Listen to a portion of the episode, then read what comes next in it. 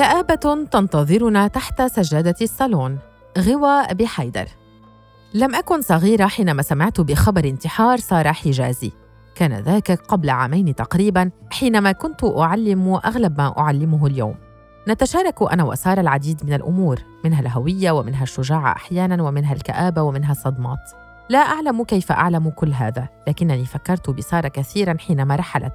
فكرت بها حتى اليوم وبما مرت به. لا أعرفها. قد تكون كل هذه الأفكار من مخيلتي أو أفكاري. أعلم أننا نتشارك الكثير من الأمور. أشعر بذلك على الأقل. لكن هناك فكرة واحدة لم تغادرني. إنها فكرة المنفى. أو كيف رحلت سارة بعيداً عن جحيمها. كيف أخذت حياتها في ملجئها حيث نظن أنه المكان الذي لا يربطها بالصدمات والخيبات. مكان آمن وجميل بعيد عن القتل والتحرش والخوف والرهاب والسجن. فكرت كم أنه مكان بشع. سارة بالطبع أحبت مصر فكيف كانت لترفع علم قوس قزح في مصر لو لم تحب أنها من هذه الأرض؟ أسئلة كثيرة دارت برأسي حول سارة وحول ما دفعها للرحيل وأحاديث كثيرة درتها مع أصدقائي حول ما قد يدفعنا للاستسلام في الملجأ حيث سنتخلص من كل الكوابيس. لكن الإجابة بالسؤال الملجأ بشع والمنفى حزين والبعد غريب.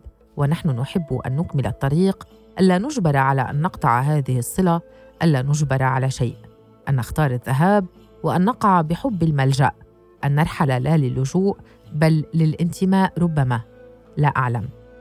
غالبا لا أعلم لماذا يختار البعض الرحيل. هل أرحل حينما أقع بحب بلد ما أم حين أكره بلدي؟ هل أرحل لأجل العلم والوظيفة أو لأنني فقدت قدرتي على تغيير أي شيء هنا؟ ربما أرحل لكل هذا وربما أرحل حينما أصل لنقطة الصفر حيث يصبح الرحيل هروبا. خذلت سارة بالطبع هي أجبرت على الرحيل. هذا كان أكثر ما يشبهني في قصتها. سأنتحر حينما أجبر على الرحيل. قد تكون هذه الفكرة مخيفة. ربما لمن يقرأها لكن ليس لي. كان من الصعب أن أتخلص من كآبتي وأفكاري الانتحارية. لكن أعلم أنها كانت لتعود لو أجبرت على الرحيل. لو غادرت لاجئة لو غادرت بسبب كره الوطن لي ليس بسبب كرهي له. هذا ما يشبهني بسارة. أكثر فكرة مخيفة. قبل شهر غادرت لرحلة عمل قصيرة وفجأة عاد الاكتئاب في اليوم السادس من الرحلة. كنت وحيدة في غرفة فندق جميلة والبؤس في كل هذا هو أنني اكتشفت كيف أنني أنتمي لوطني في هذه الساعة المشؤومة. عالجت الكآبة في بيروت. كونت دائرة جميلة وآمنت وعشت بها رغم أن كل شيء حولي بشع. كانت أفكاري أبشع. لا شيء أبشع من أفكار المكتئب. فماذا سيحدث حينما يعالج أفكاره بمحيطه؟ سيرد هذا الانتماء الغريب وسيصبح الرحيل أبشع. من كل شيء من كل فكرة انتحار وكل أدوية الكآبة. كيف أعلم أنني عالجت الكآبة ببيروت؟ لا بالعمل ولا بالأصدقاء. أعلم لأنها الشيء الملموس الوحيد أمامي. شيء جغرافي مرسوم له اسم وهوية وطابع. شيء ثابت لا يتغير رغم انهياراته ورغم خيباته. لقد مللت من الخيبات هنا ومن الكتابة عنها سواء هي خيبات خارجية مثل انفجار كبير أو ثورة فاشلة أو انهيار اقتصادي أو خيبات داخلية مثل قلب مكسور ووحدة غريبة. يغادر الجميع واحدا تلو الآخر من أصدقائي ويبقى المكتئبون. إنهم نحن الباقون. دائما نتحدث عن الحزن وقلوبنا المكسورة. لا شيء آخر. لا طموح ولا أحلام ولا مخططات. من لديه وقت لهذا؟ نتحدث عن خوفنا وعن هموم والدتنا. عن أي حفلة ستلوم جراحنا؟ أو أي كلوب سينسينا ما سنفكر به بداية الأسبوع. على فكرة هل جربت أن تذهب إلى حفلة في بيروت؟ إنه أجمل ما ستفعله هنا. ستحتفل وكأنك في آخر حفلة لك. هذا ما علمتنا إياه بيروت. أن نحزن لنحتفل لنحزن مجددا ونحتفل لننسى. نحتفل لنجد الحبيبة التي كسرت قلوبنا ربما لنغوص بهذا الانكسار. ربما نتناسى هموم والدتنا. هذه إحدى ديناميكياتي.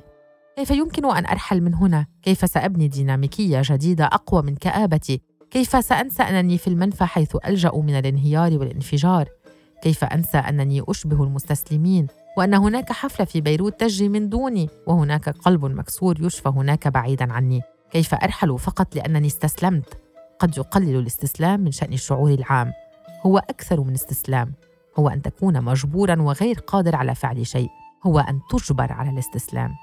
كيف سيحدث هذا؟ كيف سيحدث وأنا أربطه بفكرة الانتحار؟ لا أعلم ما الإجابة عن كل هذه الأسئلة. أعلم أن سارة تشبهني وهناك حفلة في نهاية الأسبوع تنتظرني. هناك كآبة سأضعها تحت سجادة الغرفة. وهناك أصدقاء في المنفى وفي الغربة يشتاقون لبيروت. هناك أصدقاء المكتئبين ورصيف سيحملنا سويا. هناك أفكار لا إجابة عنها وقلب مكسور جديد علينا أن نواسيه. وهناك أنا أحاول أن أكون نفسي وسط الخراب.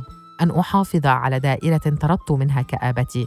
هناك بقعة جغرافية تتغير ومشاعري لها ثابتة. مشاعر تواسيني لأنها ثابتة. لم أقع بالحب يوما لكن المدينة هذه تذكرني بالحب لأنني أحبها رغم أنها تتغير كثيرا. قد أحبها وقد أكره الرحيل عنها. كل هذه الأفكار متشابهة. أنهي هذا بشعور من الأنانية. لقد قصصت مخاوفي وقلقي. نسيت لمن يبني دائرة آمنة من لم يحتفل من لم يشفي كآبته بالمدينة. نسيت أمثال سارة وأمثال من عليه أن يرحل لحياة أفضل.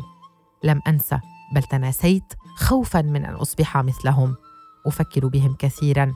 أحيانا أراهم أمامي وأحيانا أشعر مثلهم. أدفن القلق وأهرب من خوف الخيبات وأبقى هنا حتى يأتي ما يقتل الشعور. ويجبرني على الرحيل.